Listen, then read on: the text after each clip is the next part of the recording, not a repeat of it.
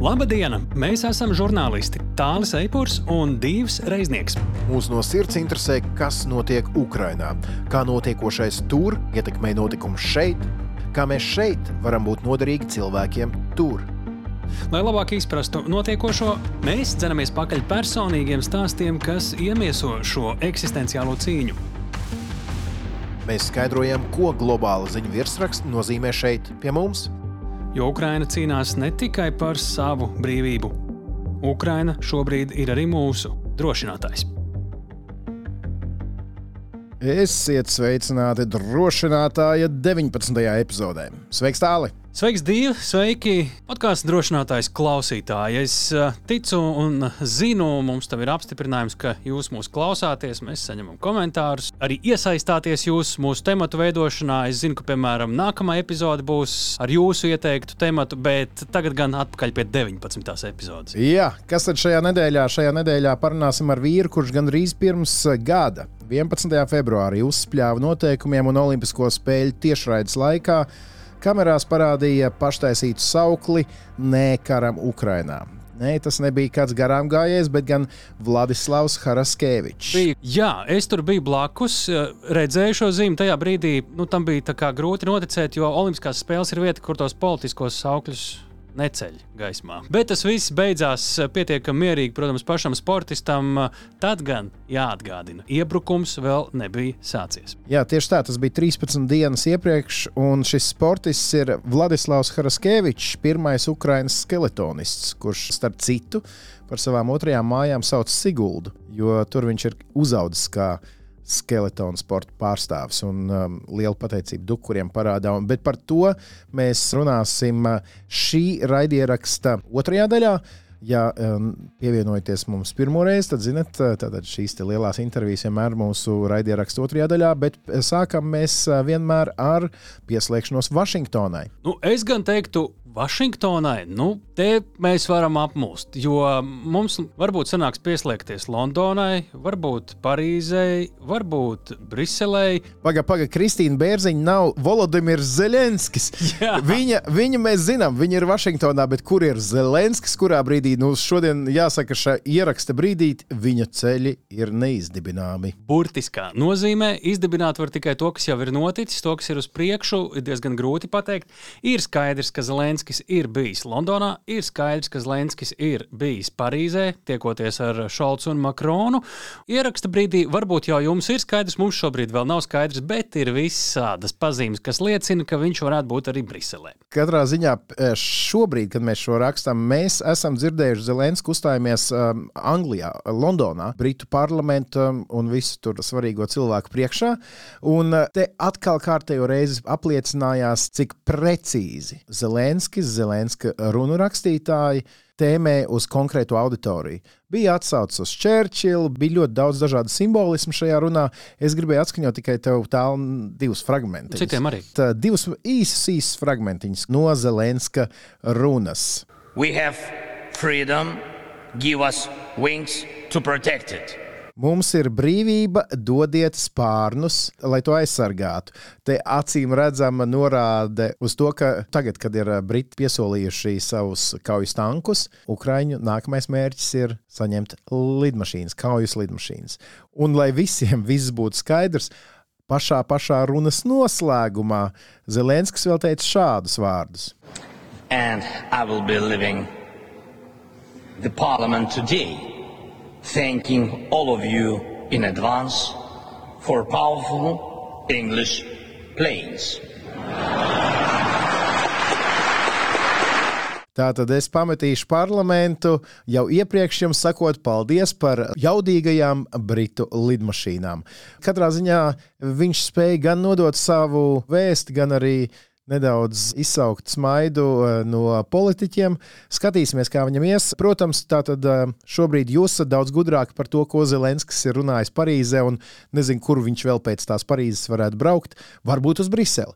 Varbūt uz Briseli. Un tas ir viens ļoti ticams variants. Pirmkārt, viņš ir blakus, otrkārt, tas jau tika prognozēts. Un tas būs viens no tematiem, ko mēs aplūkosim sarunā ar mūsu Vācijas Māršala fonda eksperti Kristīnu Bērziņu. Jā, vēl pāris temati, par kuriem mēs ar viņu šajā nedēļā izlēmām apspriesties taiskaitā par to, ko nozīmētu Ukrainas aizsardzības ministra atkāpšanās no amata, jo tāda tiek apspriesta, kā arī par to, kāpēc ASV prezidents Joe Bidenis savā ikgadējā uzrunā kongresam Ukrainas tematikai nepieskārās vairāk nekā stundu kopš šīs runas sākuma. Sveiki, Kristīne! Sveiki, Kristīne! Sveiki, Kristīne!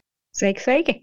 Sāksim ar to, kas notiek Ukrainas varas gaiteņos un kā tas izskatās uz ārpusi. Šobrīd ļoti nopietni tiek runāts, ka varētu mainīties cilvēks, kurš vada visu Ukrainas aizsardzības nozari kara laikā. Tas noteikti ir pietiekami būtiski, lai tam pievērstu uzmanību.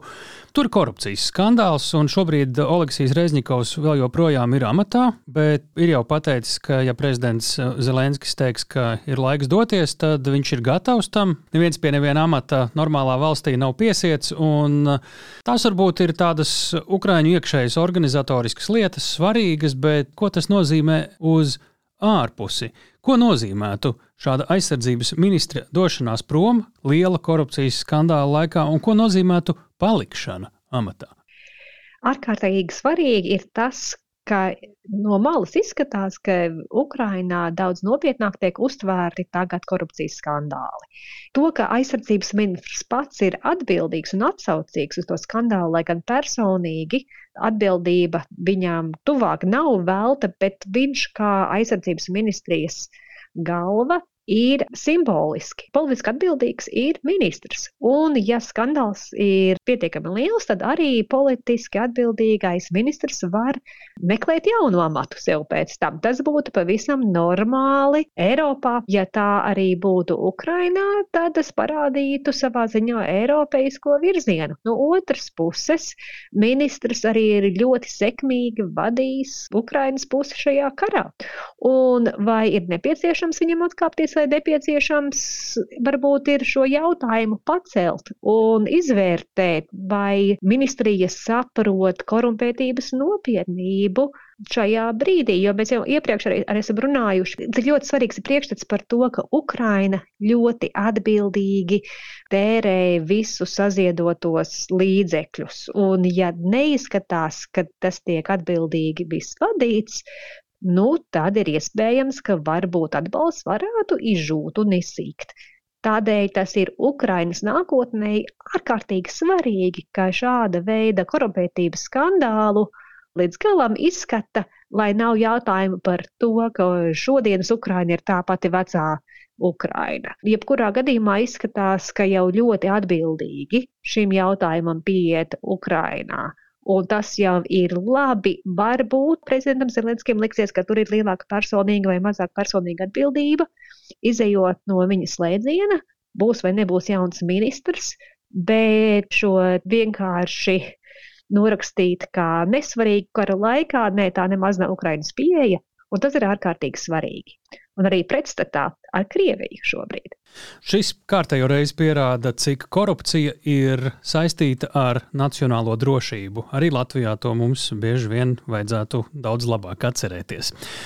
Vēl viens stāsts, proti, Ukraiņas ceļš uz Eiropas Savienību. Ja nedēļa agrāk mēs runājām, un tad aktuāls bija jautājums par Eiropas Savienības spīces viesošanos Kijivā, Tur Ukraina bija tāda ļoti dedzīga attiecībā uz tās plāniem kļūt par Eiropas Savienības dalību valsti un izrunāt visas iestāšanās sarunas īsā laikā.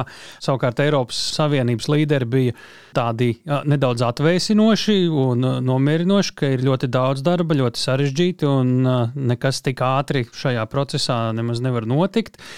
Nu, šobrīd mēs saņemam signālus. Ir diezgan skaidri pateikts, ka Zelenskim ir teikt, atvērts ielūgums uz Briseli. Tā pašā laikā arī jau ziņas, ka bezmaz šajās dienās viņš tur varētu būt. Pat ja viņš tur aizbrauktu nedēļu vēlāk vai agrāk, ko mēs varam gaidīt no šādas vizītes Briselē? Par to, kad īsti gaidīt Zelenska vizīti, svarīgi ir tas, ka ģenerālsekretārs NATO Stoltenbergs viesosies Vašingtonā šonadēļ. Tad visticamāk tas nebūs tajā pašā dienā, visticamāk prezidents Zelensks neieradīsies Briselē. Nu, nevar zināt, kādreiz kalendāros iekrīt kā iekrīt, bet ja te sarunas būtu arī par NATO, nu tad visdrīzāk būtu jāgaida, kad Stoltenbergs atgriezīsies Briselē un tad tikai varētu tikties ar Zelenski. Nu, un Ukrainai noteikti vajag uzmanīgi, lai saņemtu pēc iespējas lielāku atbalstu. Tagad arī Turcijā zemestrīce iespējams, ka nedaudz jānogaida. Bet to mēs redzēsim vienkārši vai šīs nedēļas, vai kādā vēlākā laikā Zelenskis eh, varētu būt Briselē. Iepriekš par to nekad oficiāli netiek paziņots, spriežot pēc Amerikas piemēra. Tas simboliski, protams, ir ārkārtīgi svarīgi, ka prezidents Zelenskis ierastos Briselē, Eiropas Savienības varas gaitiņos, pastaigātos, apsēstos pie galdiem, kurus eh, Latvijas amatpersonas politiķi ļoti labi tagad ir iepazinuši. Jo Brisele tā tad paliek par tādu regulāru diskusijas vietu un konsultāciju vietu. Tas parāda to, ka Ukraina nav kaut kur stūrī, uz kuru aizbrauc un par kuru pēc tam aizmirst. Bet, ja Ukraina ir Briselē, nu tad Ukraina ir Briselē. Man liekas, tīri simboliski tas ir ārkārtīgi svarīgi Ukrainai iepazīt Briseli un jau nopietnāk iepazīties arī ar to Briseles kultūru. Tur tālāk arī varētu konkrēti runāt par to, kas ir nepieciešams, lai mainītu Ukrainas kodeksus, lai vairāk iekļautos Eiropas Savienības sistēmā. Tā ir birokrātija, kura ir nepieciešama, lai iekļautos Eiropas Savienībā, kādā veidā ir jāsakārto valsts iekārtu, lai tā atbilstu Eiropas Savienības standartiem un procesiem, nu, tas ir nopietnas darbs. Ir tīri simboliskais un arī praktiskais, un tad tālāki rīkojumi, kas būtu nepieciešams, tos arī varētu iegūt tieši Briselē. Bet tas process nav lēns tādēļ, ka kāds to censtos bremzēt. Arī Latvijai, Baltijas valstīm, Polijai, visām jaunajām dalību valstīm bija jāiet cauri ļoti sarežģītam procesam, lai nokļūtu Eiropas Savienības gatavībā īpaši pēc piemēra, ka varbūt Bulgārijas un Rumānijas iekļaušana Eiropas Savienībā bija varbūt nedaudz mazāk veiksmīgas, ka tur varbūt kārtība nebija varbūt tik skaista, cik citām valstīm, un tad, kad jau valsts ir iekļuvusi, kā tu pēc tam nevar īsti tik ļoti ietekmēt tās tālāko virzību. Ungārija piemērs bija ļoti labas demokrātiskās vērtības, un šodien Ungāra, Ungārija nemaz nerāda priekšzīmi, lai nebūtu pēc tam sarežģījumi, ir ļoti svarīgi pirms iestāšanās. Tiešām sakārtot visu, lai būtu laba dalība valsts, un ļoti nevajadzētu to pārāk sasteigt gan Ukrainas dēļ, gan arī visas pārējās Eiropas Savienības dēļ. Ja to dara, tad to, to jādara pareizi. Ir labi dzirdēt, ka sarunas turpinās, un arī būtu ļoti labi redzēt tieši no Ukrainas puses gatavību, neskatoties uz karu, pareizi un cītīgi iziet cauri iestāšanās procesam. Un vēl viens ļoti svarīgs notikums ir ASV prezidenta ikgadējā runa kongresa priekšā, kur ir ļoti daudz signālu gan iekšpolitiski, bet kas mums svarīgi arī ārpolitiski. Ko tu saskatīji šajā runā, ko būtu svarīgi saprast? Svarīgi ir saprast tas, ka pirmā runa par Ukrainu, par Krieviju, par ārpolitiku bija pēc tam, ka stundu jau prezidents Baidens bija runājis par iekšpolitikas jautājumiem, kuri ir ārkārtīgi svarīgi tieši vēlētājiem. Ārpolitika parādījās tikai pēc stundas. Ko tas nozīmē? Tas nozīmē pirmkārt to, ka prezidents Baidens vēlās, lai viņu atkal ievēl pa prezidentu 2024. gadā. Un Amerikas tauta parasti nebalso tīri par ārpolitikas jautājumiem, un tagad jau mēs redzam, ka uzsvars tiek uzlikts vairāk tieši iekšpolitikai, nevis ārpolitikai. Pirms gada runa bija ļoti par to, kā Amerika tagad atbalstīs Ukrainu, parādīs Putinam, ka viņš tā nedrīkst. Un ka Amerikas tautai ir jābūt ar mieru, sadzīvot ar augstākām energoresursu cenām, jo tas būs pareizāk. Šogad tas tiešām bija otrajā plānā, bet ar tādu uzvaras retoriku, ka redzi, ASV atbalstīja Ukrainu un tā ir bijusi pareizā izvēle, tagad signāls ir parādīts visiem agresoriem pasaulē, ka tie nedrīkst darīt, ko tie vēlās ka viņu rīcībai būs augsta cena. Tā bija tāda slavas dziesma Amerikas atbalstam Ukrainai un iepriekšējā gada politikai, bet svarīgi ir tas, ka tas ir otrā plānā un šobrīd izskatās, ka administrācija ASV vēlēsies klusāk runāt par ārpolitiku, vairāk runāt par iekšpolitiku, lai gan ikdienā droši vien Ukrainas jautājums aizņem vairāk laiku nekā, piemēram, veselības jautājums. Ja Amerikas prezidents nerunās par iekšpolitiku, viņš nesaņems atbalstu arī ārpolitikai. Tieši tā.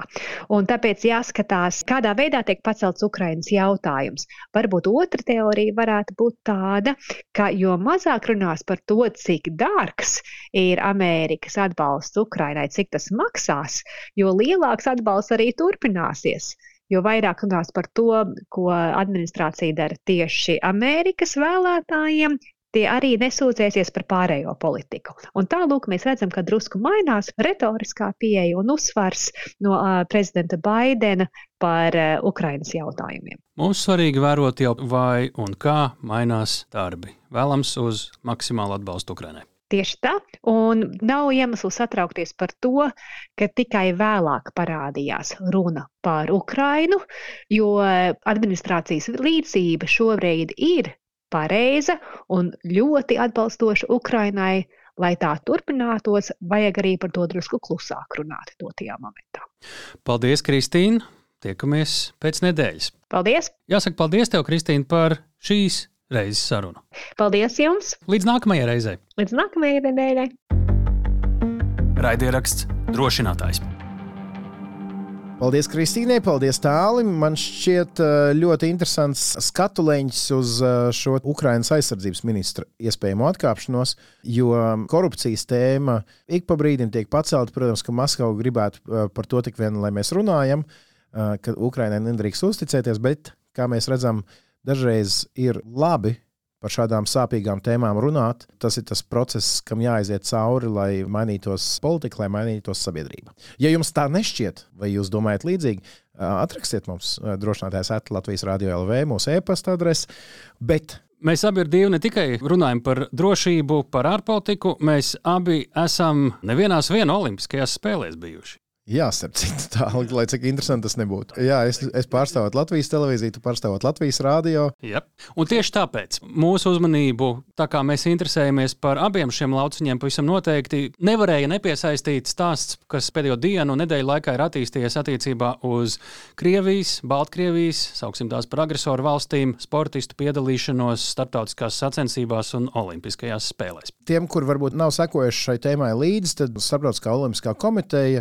Nu, man šķiet, vienkārši testēja ūdeņus, kāda būs reakcija uz piedāvājumu ļaut Krievijas un Baltkrievijas sportistiem atgriezties Olimpiskajā kustībā. Kas tur ko vispār testē? Tā daudz jautājumu. Mums tā šķiet, Jā. bet caur Āzijas Krieviju izskatās, ka caur Āzijas pusi Lobē. tieši tāda lobēšanas process notiek. Labā ziņa ir tāda, ka liela daļa Eiropas, ir sevišķi mūsu reģions un Skandināvija, ir ļoti ātri, ļoti skaidru pozīciju pauduši. Ka, nu, mēs nepiedalīsimies, tad, ja Krievija un Baltkrievija piedalīsies.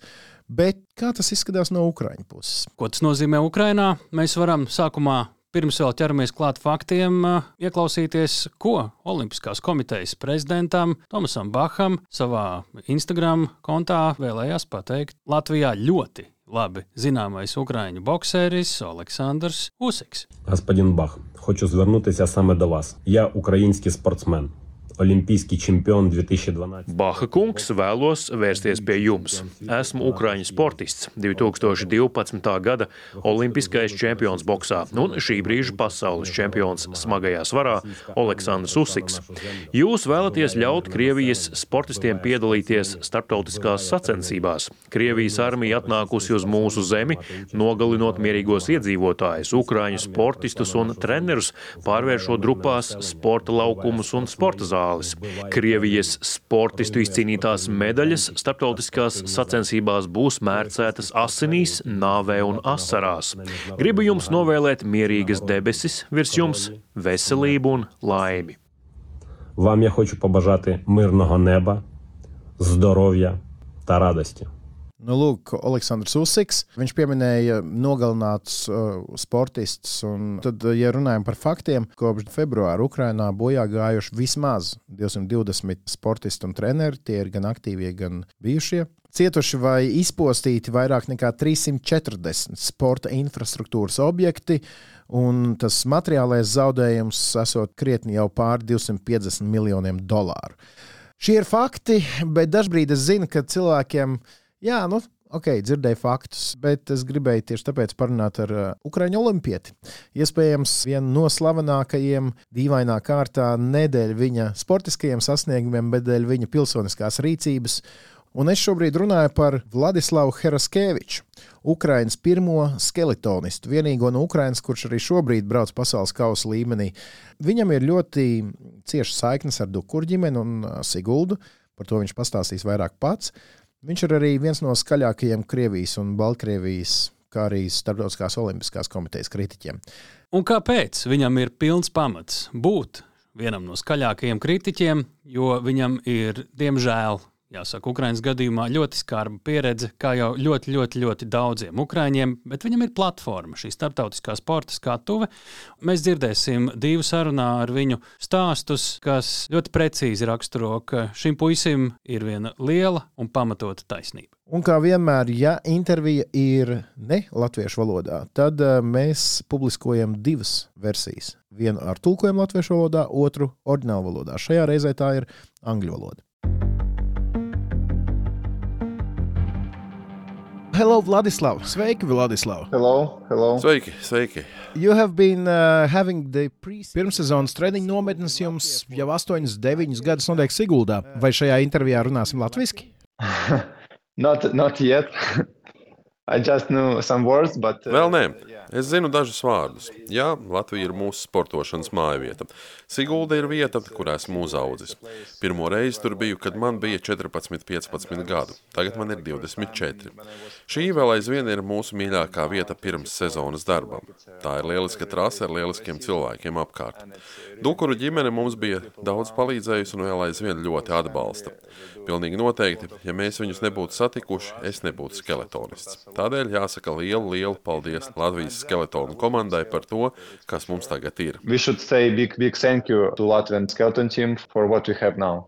Vladislav, we will talk about your foundation. Vladislav, mēs runāsim par jūsu fondu, par piedzīvoto Ukrainā, par jūsu ģimenes draugu un valsts likteni, bet es gribētu sākt ar nelielu atgriešanos nesenā pagātnē. Pirms gandrīz gada jūs izpelnījāties pasaules uzmanību, kad, ignorējot brīdinājumus tā nedarīt, Olimpisko spēļu skeletonu sacensību tiešraides laikā parādījāt uz papīra lapas uzrakstītu vēstījumu Nē, karam Ukrainā. Tas bija 13 dienas pirms kara sākuma. Tagad, gadu un desmitiem tūkstošu zaudētu dzīvību vēlāk, Startautiskā olimpiskā komiteja atkal ir ziņu virsrakstos, jo strīdas ar jūsu valsti par Krievijas un Baltkrievijas sportistu dalību Olimpiskajās spēlēs. Kā tas jums liek justies? How does it make you feel? Sure, like Protams, ka šie starptautiskās olimpiskās komitejas lēmumi un paziņojumi ir apkaunojoši. Tie neko nepasaka. Ko nozīmē paustās prasības? Krieviem un Baltkrieviem prasa nebūt aktīviem kara atbalstītājiem, bet mēs nesaprotam, ko nozīmē aktīvs atbalsts. Tas nozīmē iet uz fronti ar ieroci rokās vai ierakstīt kādu kara atbalstu vēsti sociālajos mēdījos. Es nesaprotu, ko Sokar šo paziņojumu grib darīt tālāk. Kurš būs tas, kurš pārbaudīs šos sportistus? Tas būs Sok vai Tomas Bahs vienkārši pateiks, ai, šis puisis neizskatās pēc kara aktīva atbalstītāja. Neredzam nekādu skaidrojumu, kā šis varētu strādāt. Jāatceras, ka gandrīz 85% Krievijas sportisti ir Krievijas armijas, policijas vai citu valdības struktūru sastāvā. Tāpat, ja šiem sportistiem ir saistība ar Krievijas sporta lietu ministriju vai Krievijas olimpisko komiteju, arī tad viņi ir vainīgi, jo koku vadītājs Pozņakovs ir Krievijas armijas pulkvedis, kurš nesen paziņoja, ka Krievu sportistiem ir liels gods piedalīties speciālajā operācijā. Sporta lietu ministrija saņem naudu no valdības, tātad no teroristiskas valsts. Kā jau teicāt, šis karš norisinās jau gandrīz gadu, un ir tikai daži krievu sportisti, kuri to ir nosodījuši. Ja SOG grib šos sportistus atpakaļ, tad viņus kārtīgi jāpārbauda kādai citai organizācijai, piemēram, kā dopinga jautājumā, ar ko darbojas Pasaules antidopinga aģentūra. Tāpat šiem sportistiem nevajadzētu startēt zem neitrālā karoga, bet gan pārstāvot tādas organizācijas krāsas, kas atbalsta Ukrainu vai publiski iestājas pret karu. Savukārt šiem sportistiem būtu jānāk klajā ar publiskiem pretkara vēstījumiem, lai viņu piedalīšanos starptautiskajā arēnā nevarētu izmantot Krievu propagandu, jo viņi publiski būs pauduši atbalstu Ukrainai. Daudzi sportisti izsakās sociālajos medijos, to esam redzējuši arī savā praksē. Viņu bijušie skeletonisti, bobslīsti mūsu sociālo tīklu kontos raksta dažādas propagandas lietas. Viens bobslējists man privāti atrakstīja novēlējumu, lai manai mājai uzmet bumbu. Tad viens krievu junioru skeletonists mūsu junioram atrakstīja, ka viņi atgriež savas teritorijas un iznīcinās nacistu kustību Ukrainā. okay we can say like some common russian people they like they never was in other countries they just watching tv and tv is lying But, uh, Russian athletes is another, another people. Var jau teikt, ka parastie krievi nav bijuši citās valstīs, viņi tikai skatās televizoru, kurā tiem melo. Bet Krievijas sportisti nav parastie krievi. Viņi tak ceļojuši pa visu pasauli. Viņi bijuši Latvijā, Siguldā, Vācijā, ASV, Kanādā. Viņi bijuši arī te, kur esam šobrīd, Innsbrukā. Viņi tak redz, kā dzīvo cilvēki. Viņi tak redz, ka te nav nekādu nacistu vai citu mēslu. Protams, nacisti ir visā pasaulē, taču viņu īpatsvars ir niecīgs un ikdienā neredzams. Krievu un Baltkrievu sportisti saprot, ka tās visas ir muļķības, bet viņi šā vai tā atbalsta karu. Tādēļ manās acīs viņi ir vainīgi. Sportistiem būtu jāuzstājas pret karu un jādarbojas, lai panāktu mieru. Uh, uh, ja šobrīd būtu iespēja uzrunāt Soka prezidentu, ko jūs viņam teiktu?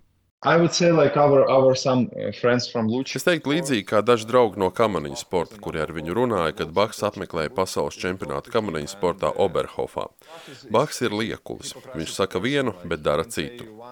Protams, man būtu viņam jautājumi par krievu sportistiem, kuri ir daļa no krievu armijas. Par šo tēmu neesmu redzējis nekādu atbildi. Vēl būtu interesanti uzzināt, kāpēc Krievijas amatpersonām, kā Pozņakoma, ir iespēja kāpt uz skatuves, lai uzrunātu Nacionālo olimpisko komiteju asociāciju un runātu par ētiku. Tas izklausās neticami. Krievijas armijas pulkvedis visu Nacionālo olimpisko komiteju priekšā runā par ētiku. Kas te vispār notiek? uh, at front of all national Olympic committees. What's going on here? Vēl ir jāsaprot, ka visi sportiskie panākumi, izcīnītās medaļas ir pilnīgi nekas, ja pretējos svaru kausos noliek cilvēku dzīvību. Ukraini šobrīd ziedo tik daudz. Daudz ir zaudējuši dzīvību, daudzi savus mājokļus un dzimto zemi. Lai palīdzētu viņiem, tu vari ziedot savu karjeru vai kādu daļu no tās. Domāju, mums vairāk ir jāstrādā ar starptautiskajām federācijām, ar SOK un citām lielām organizācijām. Protams, negribam upurēt sportu gribam sportiskajā arēnā sacensties ar latviešiem, amerikāņiem, vāciešiem. Gribam sacensties ar visiem, izņemot Krievus un Baltkrievus, jo viņi ir teroristi. Okay, let's talk about the competing. Labi, parunāsim par sacensībām. Es zinu, ka Ukrainā ir daži likumi, kas tika pieņemti pēc visaptverošā kara sākuma. Tātad, vai jūs varētu vienkārši paskaidrot, kurš var atstāt Ukrainu, lai dotos uz sacensībām, kā piemēram jūs, un kurš nedrīkst pamest Ukrainu? Nu, ja runājam tieši par sportistiem, if we talk about the athletes. Uh, Jums bija jābūt nacionālās izlases sastāvā pirms sākās iebrukums. Jūs varat iekļaut izlasē arī tagad, bet tad ir vajadzīgi apliecinājumi jūsu statusam, ka esat sportists, treneris, fizioterapeits vai cita komandas amatpersona.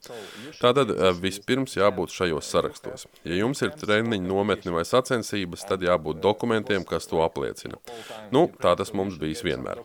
Tur jānorāda, uz kurien dosties, ar kādu mašīnu un viss pārējās birokrātiskās prasības. And uh, everything, everything, like all, all bureaucracy work. Then you send it to Ministry of Sport. Tātad to nosūta sporta ministrijai, un viņi paraksta vai neparaksta izbraukšanas atļauju. Ja paraksta, tad jums ir atļauts atstāt Ukrainu. Nu, tā tas darbojas. Ja atļaujas termiņam beidzoties, jums jāpaliek ārzemēs ilgāk, jūs sagatavojat jaunu pieprasījumu nākamajai treniņu nometnei vai nākamajām sacensībām. Piemēram, mums skeletonā parasti ir tā, ka sezona sākas rudenī. Vispirms ir nometne, un uzreiz pēc tam dodamies uz sacensībām. Tādēļ mums ir viens dokuments pēc otra. Tā tas strādā. Tas ir vienīgais veids, kā izkļūt no valsts, ja esi ar sportu saistīts vīrietis vecumā no 18 līdz 65 vai 60 gadiem. Laikam 60.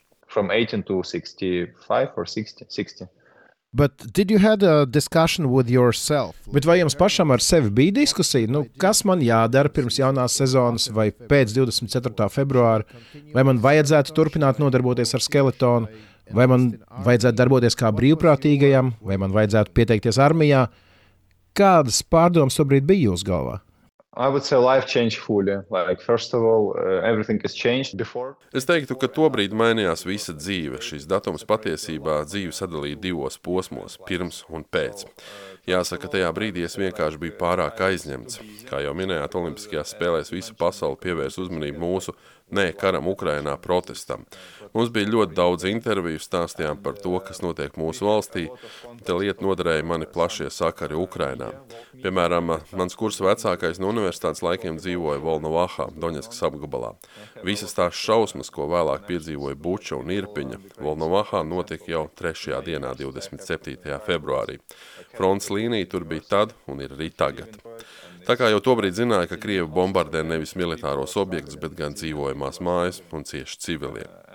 Tāpēc daudz runājām ar mēdījiem, stāstot, kas notiek, un sakot, ka mums ir vajadzīga palīdzība, ka jāpasargā gan sportisti, gan civiliedzīvotāji. Tas prasīja daudz laika.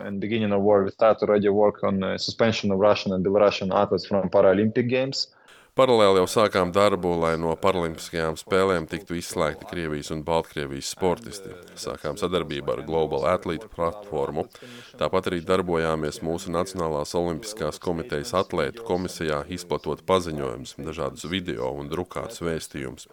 Tā pagāja divas nedēļas, rakstot vēstules, sniedzot intervijas, nākot klajā ar paziņojumiem. Pēc tam atgriezāmies Ukrainā, kur mums un bobslējistiem ir paliels mikroautobus. Mēs ar šo Mercedes Sprint interbūsu sākām izvadāt palīdzību. Bijām brīvprātīgie. Sākumā vienkārši nogādājām dažādu veidu palīdzību no punkta A uz punktu B. Tikmēr Kijavā mani draugi arī bija kļuvuši par voluntieriem. Viņi iepirka ēdienu un izvadāja to cilvēkiem, kuriem tas bija vajadzīgs - invalīdiem, senioriem. Pēc kādas nedēļas vai divām sapratām, ka jāstrādā kopā, jo it kā jau mēs savu vārtu paveicām, tomēr šķita, ka varam izdarīt vairāk. Apvienojoties, mēs kopā varētu dot lielāku labumu, jo katrs likt uzsvaru uz to jomu, kurā esam spēcīgāki. Uh, Hiraskevich Charity Foundation was created, so we create websites, we create like some connections with uh, companies in Ukraine. Tā radās Hiraskevich Charity Foundation. Izveidojām mājaslapu, sākām sadarbību ar dažādiem Ukrainas uzņēmumiem, izdevās uziet lielu lauksaimniecības uzņēmumu, kas mums piešķīra iespaidīgu apjomu ar saules puķu eļļu. To tālāk izvadājām cilvēkiem, kas gatavoja ēdienu armijai, bēgļiem un trūcīgajiem. Sākām sadarboties arī ar citām nelielām voluntieru grupām. Jau no paša sākuma viena no iecerēm bija piesaistīt atbalstu arī no citām valstīm. Tad nu meklējām šādu atbalstu. Viena no pirmajiem atsaucās Amerikā bāzētās organizācijas Little Wing Relief un Ukrainian Aid Operations. Tāpat arī lielu atbalstu saņēmām no Latvijas. Latvian uh, friends and uh, we had a lot of support from Latvia. Ja runājam par to, kur sniegtā palīdzība nonāca, tad jāsaka, ka sākumā strādājām ar atsevišķām ģimenēm, vienu, diviem, trim cilvēkiem. Taču nu jau palīdzam īstenot krietni lielākus projektus, un jāsaka, ka tas ir pat vienkāršāk. Pārsvarā visu var paveikt izmantojot internetu. So we can do it online. So even now, when tātad pat šobrīd, kad notiek skeletona sezona, fonds turpina darbu, ja? Tas nekas, kas ir ārpus Ukrainas. Yeah, I, I now, now have uh. Jā, jāsaka, ka tieši tagad arī realizējam savu lielākos projektus. No ASV saņēmām lielu medikamentu sūtījumu 140 tūkstošu dolāru vērtībā. Savukārt sadarbībā ar Ukrainian Aid Operations no ASV sagādājām tā saucamās Aļaskas teltis, kas paredzētas izmantošanai tiešā frontes tūmā. Tajās ievainotajiem tiek veiktas steidzams operācijas, lai būtu droši tos sūtīt tālāk jau uz slimnīcu. Šim mērķim ziedojumos kopā tika savākti 60 tūkstoši dolāru, par ko varējām nopirkt sešas šādas telts ar ģeneratoriem, bet vēl vienu mums uzdāvināja lieliski cilvēki. Tad starp svaigākajiem projektiem jāpiemina sadarbība ar draugiem Portugālē. Viņi visā valstī izveidoja ziedojumu vākšanas punktus. Tas izdevās lieliski, jo galu galā varējām sagādāt Ukrainas slimnīcām dažādu aprīkojumu. Esmu ļoti priecīgs, ka pat sezonas laikā sportojot mēs varam palīdzēt Ukraiņiem. And uh, Ukrainians even when we are doing sports. Work, uh, so Vēl viens mūsu fonda darbības virziens ir labdarības treniņi. Šobrīd ļoti liela problēma Ukrainā ir bērniem atņemtā bērnība, jo viņi nonāk ārprātīgās situācijās. Daudzi bumbu patvērtnēs bijuši mēnešiem ilgi. Iznākot laukā, viņi saprot, ka nav ko darīt, ka bērniem nav nekādas izklaides un bērnības. Mēs cenšamies atgriezt šo bērnu, izmantojot sportu. Tāpēc izlēmām rīkot labdarības treniņus. Pirmais treniņš bija bērniem no Mariupoles Batutu zālē Kijavā kopā ar olimpisko čempionu freestēlā Aleksandru Abramenko. Bija pārsteidzoši redzēt atšķirību, kādi bērni ir treniņam sākoties un kādi beidzoties. Piemēram, sākot iesildīties, pagriezām skaļāk mūziku, un tad kādā brīdī vairāk bērni sāka raudāt dēļ kādiem trokšņiem šajā mūzikā. Mēs izslēdzām skaņu, bet pēc kādām 15 minūtēm ieslēdzām atpakaļ, un bērni jau vairs tā nereaģēja. Treniņam turpinoties, tu vari redzēt, ka viņi jūtas arvien labāk un labāk, sāk smaidīt, jautroties. Ir tik jauki redzēt, ka sports var tā mainīt noskaņojumu. Pozitīvu emociju sniegšana, manuprāt, ir svarīgākais sportā. Sports can give uh, amazing things, and uh, that's, I think, most important thing in a sport. Šādus treniņus pēc tam turpinājām arī citviet - Černīgivas reģionā, Kīvas apkārtnē. Vasarā bērniem rīkojām treniņus ar bobsleju un skeletonu elementiem. Daži bērni bija tik sajūsmināti par šo pieredzi, ka uzaicinājām viņus jau uz saviem nopietnajiem treniņiem Kīvā. Rezultātā šobrīd vairāk jau piedalās oficiālajās sezonas ieskaitas sacensībās savās vecuma grupās. Viens puisis, Vladislavs Klimenko, jau piedalījās jaunatnes olimpiādas atlasē Innsbrukā. Viņam ir tikai 13 gadi, bet izcīnīja 16. un 11. vietu. Vladislavs ir no Borodjankas. Tā ir tā pilsēta. Nu, varbūt esat redzējuši fotogrāfijas ar māju, kur tieši pa vidu trāpīja avio bumba. Viņš no tās mājas dzīvo 150-200 metru attālumā. Tagad viņam ir jauni mērķi. Viņš nodarbojas ar skeletonu, un viņš par to ir sajūsmā. Bet mēs esam laimīgi, ka varam ko tādu piedāvāt šiem bērniem. And we're really glad that we can give it to, to kids. Droši vien ir lieliski, ka skeletons šajā gadījumā ir bijis tas, kas bērniem liek domāt par ko citu nekā tām briesmīgajām lietām, kas šobrīd notiek Ukrajinā. Right now, right? Sport, like... Es teiktu, ka ir labi, ja viņi var koncentrēties uz jebkuru sporta veidu, jo ir biedējoši, kad izbrauc uz kādu reģionu un saproti, ka vietējie bērni, 8, 9 gadus veci, atšķir artērijas šāviņus no aviācijas bumbām un citiem lidojošiem lādiņiem. Tas ir traki to apzināties. Atcerieties sevi 8, 9 gadu vecumā, bet šie bērni atšķir lādiņu skaņas. Tas nav normāli, tādēļ ir svarīgi viņiem palīdzēt. So of course it's important to help them. Year, kas no šī gada laikā redzētā, piedzīvotā, jums emocionāli palicis atmiņā visvairāk? Uh, me, so... Jāsaka, ka esmu bijis daudzās trakās situācijās. Vienu reizi, kad bijām Mikulājevā, lai nogādātu palīdzību karavīriem, sākās apšaude, kas bija visai biedējoša. Tuvākais lādiņš sprāga kādas 500 metrus no mums, tad reāli pārņēma bailes. Tas milzīgais troksnis, tas bija traki. Tā kā strādāja artilērija, pretgaisa aizsardzības sistēmas, tur neko nevarēja padarīt. Vienkārši traki. Just, it's just crazy, yeah. So also was story when we deliver uh. Tad atceros, kā Irpiņas okupācijas laikā gribējām palīdzēt draugiem, kuriem Irpiņā bija restorāns, kas jau bija pamatīgi cietis, un devāmies turp, lai izvestu visu, ko vēl no turienes var izvest. Aizvedām viņus līdz restorānam un tad gājām apskatīt blakus māju, pa kuru tiešā trāpījumā bija šāvis Krievu tanks. Tur bija daži cilvēki, kas izskatījās pēc bezpajumtniekiem un gatavo ēdienu ugunskurā pie tās mājas. Tas šķiet bija maijā, kad ārā vēl bija visai augsts, un naktī kādi mīnus 2-3 grādi. Sākām runāt ar viņiem un izrādījās, ka tie ir pilnībā inteliģenti cilvēki. Viens pirms iebrukuma strādājis bankā, cits stāstīja, ka šurp pārcēlies 2014. gadā no Luhanskas, un šī jau ir otrā reize, kad viņš zaudē mājokli. Bet tagad jau viņi pilnībā izskatījās pēc bezpajumtniekiem. Izrādījās, ka tajā mājā jau pusotru mēnesi nav ne ūdens, ne elektrības, ne gāzes. Izrādījās, ka tanka šāviena rezultātā tika nogalināta vesela ģimene. Mēs arī apskatījāmies to dzīvokli. Skats bija briesmīgs, viss izdedzis. Tā kā tas nav tālu no Kijavas, mums līdz tobrīd bija siltā ēdiena komplekti, un mēs tiem cilvēkiem, kas bija pulcējušies ap uguns, kur iedevām pa pusdienu kastītē un prasījām, vai nevajag vēl kaut ko maizi vai ko citu, viņi tik atbildēja, nē, nē, iedodiet to kādam, kam vajag vairāk. Es biju šokā.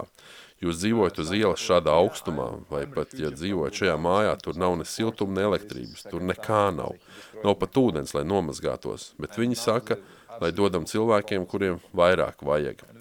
Tas vienlaikus ir gan traki, gan ļoti labi parāda, cik spēcīgi ir šie cilvēki, kas ir piedzīvojuši elli. Tā mums ir bijusi liela motivācija nepadoties un strādāt vairāk. Ja viņi var būt stipri, tad arī mums tādiem ir jābūt. If they can stand strong, we should also stand strong. Has your house vai jūsu mājoklis karā līdz šim ir neskarts? Yeah, so my house in Kiev and it was uh, luckily okay. Jā, par laimi ar dzīvokli Kijavā, kur īrēja kopā ar draugu, viss ir kārtībā. Taču arī tur nācās piedzīvot biedējošus mirkļus. Visbailīgākie ir brīži, kad dzird raķeti lidojam.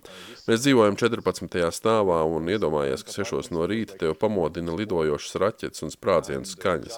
Kad izdzirdi to raķeti, tuvojamies, tā skaņa paliek ar vien skaļāka un skaļāka. Nu, neko jau nevar izdarīt. Atliek tik cerēt, ka tu nebūsi mērķis. Kad atskan sprādzieni, tad uzreiz gaisā ir dūma mākonis, un tas viss kopā ir galīgi traki. Nu, tāda šobrīd ir Ukrainas realitāte. Tāpat mums ir problēmas ar elektrību, ūdeni un siltumu. Nu, pat, kad Altenbergā notika pasaules kausa posms, pie manis atbrauc mamma un draudzene, un arī šobrīd viņas ir kopā ar mani. Tas ļauj nedaudz nomierināties, jo citādi tu visu laiku seko līdzi gaisa uzlidojumu brīdinājumiem, visu laiku mēģini ar viņām būt kontaktā. Ļoti grūti koncentrēties sportam, ja galvā ir šādas domas.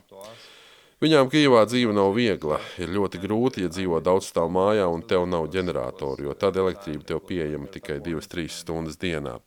Tas skar tādas lietas, par ko normāli ikdienā nemaz neaizdomājies. Piemēram, ēdienu gatavošana. Tev ir divas stundas ēdienu pagatavošanai, taču pārtiku uzglabāt ir pagrūti, jo leduskapis nestrādā.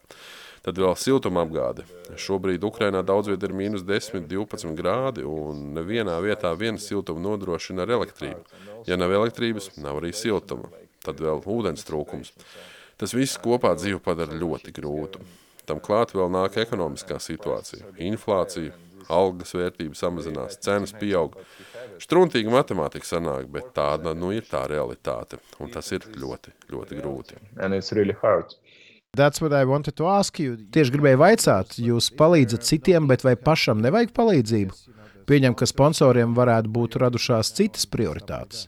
With, uh, Šobrīd daudz strādājam ar Vācijā bāzētu organizāciju Athletes for Ukraine, kuri mums daudz palīdz. Par laimi, man ir arī daži sponsori, tie ir pamainījušies, bet ir. Ar Athletes for Ukraine palīdzību tūlīt pēc 17. februārī Siguldā paredzētā pasaules kausa posma mūsu mazie bērni, kuriem vēl nav atļaujas piedalīties starptautiskajās sacensībās, atbrauks uz Siguldu un pirmo reizi mūžā varēs izmēģināt, kā ir braukt ar skeletonu īstā trasē. Šo ideju finansē Athletes for Ukraine un ceram, ka šādi komandā iesaistīsim jaunus sportistus, jaunus bērnus. Cerams, viss būs labi un viņiem šī pieredze patiks. Cerams, viņi turpinās trenēties un varbūt 2028. gadā jau kļūs par olimpiskiem čempioniem. 20, 28. Ceru, ka viņiem patiks gan skeletons, gan sigulda. Taču pēdējais jautājums mums visiem viesiem ir viens un tas pats. Ko jums novēlēt personīgi? Just uh, end of war Uh, and... Tikai lai beigtos karš un mūsu teritorijas atkal būtu brīvas. Tas ir tas, ko es vēlos. Protams, daudzi grib, lai dzīve būtu atkal tāda kā agrāk, taču, protams, dzīve nebūs tāda, kā bija. Es gribētu, lai manā dzīvē atgrieztos normalitāte, lai manā valstī būtu miers. Ir ļoti grūti sportot, kad ir šādi grūti laiki, taču mani priecē, ka mums ir šāds atbalsts no citām valstīm, no Latvijas, ASV un daudzām citām valstīm. Jūtam šo atbalstu, un tas palīdz mums būt stipriem. Tas palīdz nepadoties. Esam motivēti. Gribam būt civilizētās pasaules daļa un redzam, ka arī pasaule grib Ukrainu redzēt savā vidū. Un esam ļoti priecīgi, ka mums esat jūs. Es vienkārši gribu kara beigas. Man neko nevajag, tikai mieru manai zemē. I don't need nothing except peaceful time for my country. I wish you that, of course, nothing else. Protams, to jums arī novēlu, jo nekas cits šobrīd nav svarīgāks par to. Starp citu, vienā aspektā šis gads gan ir bijis noderīgs. Maskas ir kritušas un varam redzēt cilvēku patiesās sejas. Yeah, yeah, it's war um, opens uh, some truths. I would say, yeah. So in this tough time, Jā, karš parāda patiesību. Šajos grūtajos laikos, kad esam uz robežas, maskas krīt. Un var tikai priecāties, ka esam vienoti gan Ukrainā, gan ap Ukrainu. Ukraina nekad nav bijusi tik vienota kā šobrīd. Protams, redzam arī cilvēkus, kuri nometot maskas, atklāja savas īstās sejas, kas nav patīkamas. Ir svarīgi atcerēties šīs mācības un nākotnē būt pacietīgākiem. take these lessons now and uh, to be more patient in the future. Right, Paldies jums! Thank you. Jā, paldies un visu labu! And bye. Paldies, Dīva! Paldies arī Vladislavam! Interviju sniegšana pavisam noteikti ir vēl viena viņa darbības daļa, lai viņš savu Ukraiņas misiju popularizētu, saņemtu ziedojumus, izpratni, tam sakot, rīcība. Bet klausoties šo sarunu, man, protams, radās tas pats jautājums, kas, domāju, daudziem klausītājiem, nu kāpēc tā Startautiskā olimpiskā komiteja vispār šo jautājumu cilā mūsu reģionā? Vienkārši dziļi neizprotami, kāpēc vispār tādi jautājumi ir jāuzdod par Krievijas un Baltkrievijas piedalīšanos Olimpiskajās spēlēs vai vispār starptautiskajās sacensībās. Tās, protams, ir spekulācijas. Es arī Vladislavam prasīju šo jautājumu. Tā viņa versija bija tā viena no populārākajām, kas ir saistīta ar Krievijas bagātību, ar Krievijas sponsoriem. Labi, šobrīd viņi nedrīkst sponsorēt, vai nu, SOKS saņemt pārāk lielu kritiku, ja šādi finansiāli saistītos. Bet iespējams, SOKS domā par nākotni, vai ne? Ka ne, nevajadzētu sa sadedzināt visus tiltus ar Kremli. Vladislava versija bija tāda, ka tur iespējams ir oficiāli vai neoficiāli finanšu darījumi bijuši, esoši vai gaidāmi. Tāda ir Vladislava versija. Man tas, kas paliks atmiņā no šīs intervijas, un es šeit nekautrēšos citēt, ļaut sevi citēt pašam Vladislavam, man liekas, ka šī ir viena no centrālajām frāzēm tajā intervijā. Jūs jau dzirdējāt intervijas laikā, bet es to gribu atskaņot vēl un varbūt pat vēl. Bach is, is pretty hypocrisy person. Like he can say one thing and then make these decisions. Bahs ir liekulis, vienu brīdi viņš saka vienu, bet lēmumi ir pavisam citi. Tā Vladislavs Heraskevičs, Ukraiņas skeletonists, kurš Olimpiskajās spēlēs vēl pirms iebrukuma visai pasaulē ar uzrakstu pavēstīja nekaram. Jā, pa pusē bez mazliet Latvijas, jo, ja jau tik ilgi ir trenējies pie mums, Latvija viņam ir mīļa, un gan jau, ka viņam šeit ir arī fani. Ja jūs par Vladislavu uzzināt tikai šobrīd, tad, nu, ja jūs mūs klausāties pirms 17. februāra, 2023. gada, tad uh, dodieties uz Siguldu, jo tur no 17. līdz 19. februārim norisināsies pasaules kausa posms Skeletonā. Tur būs Vladislavs, un kā mēs dzirdējām, būs arī bērni no Ukrainas atbraukuši, kuri varbūt būs nākamie mūsu savukārt nākamo dukuru konkurenti. Un noteikti es gribētu pateikt, ka lasiet LSMLV. Tur mēs noteikti ieliksim arī šīs intervijas rakstisko versiju, bonusā, dažādi vizuālie materiāli, kuros jūs varēsiet redzēt to, par ko šajā sarunā runāja šīs reizes viesis. Jā, nu man tur aizkustināja tā bilde, kur bērni skaistā rindā uz skrejceļa stadionā ar fonā sagrautām tribīnēm. Jā, tas un daudz kas cits. Ja jums ir interese par kādu konkrētu viesu, ko jūs gribētu, lai mēs uzaicinām uz tādu personīgu sarunu, rakstiet mums mūsu e-pasta adrese drošinājums Latvijas Rādio LV.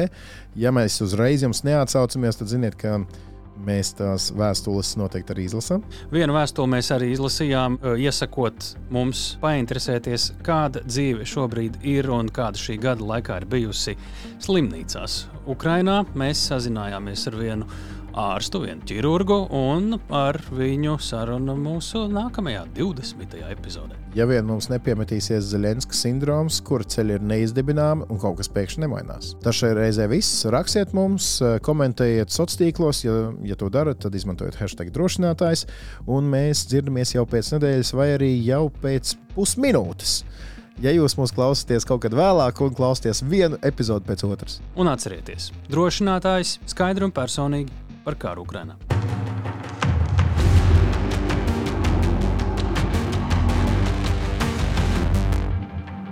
Raidieraksts drošinātājs.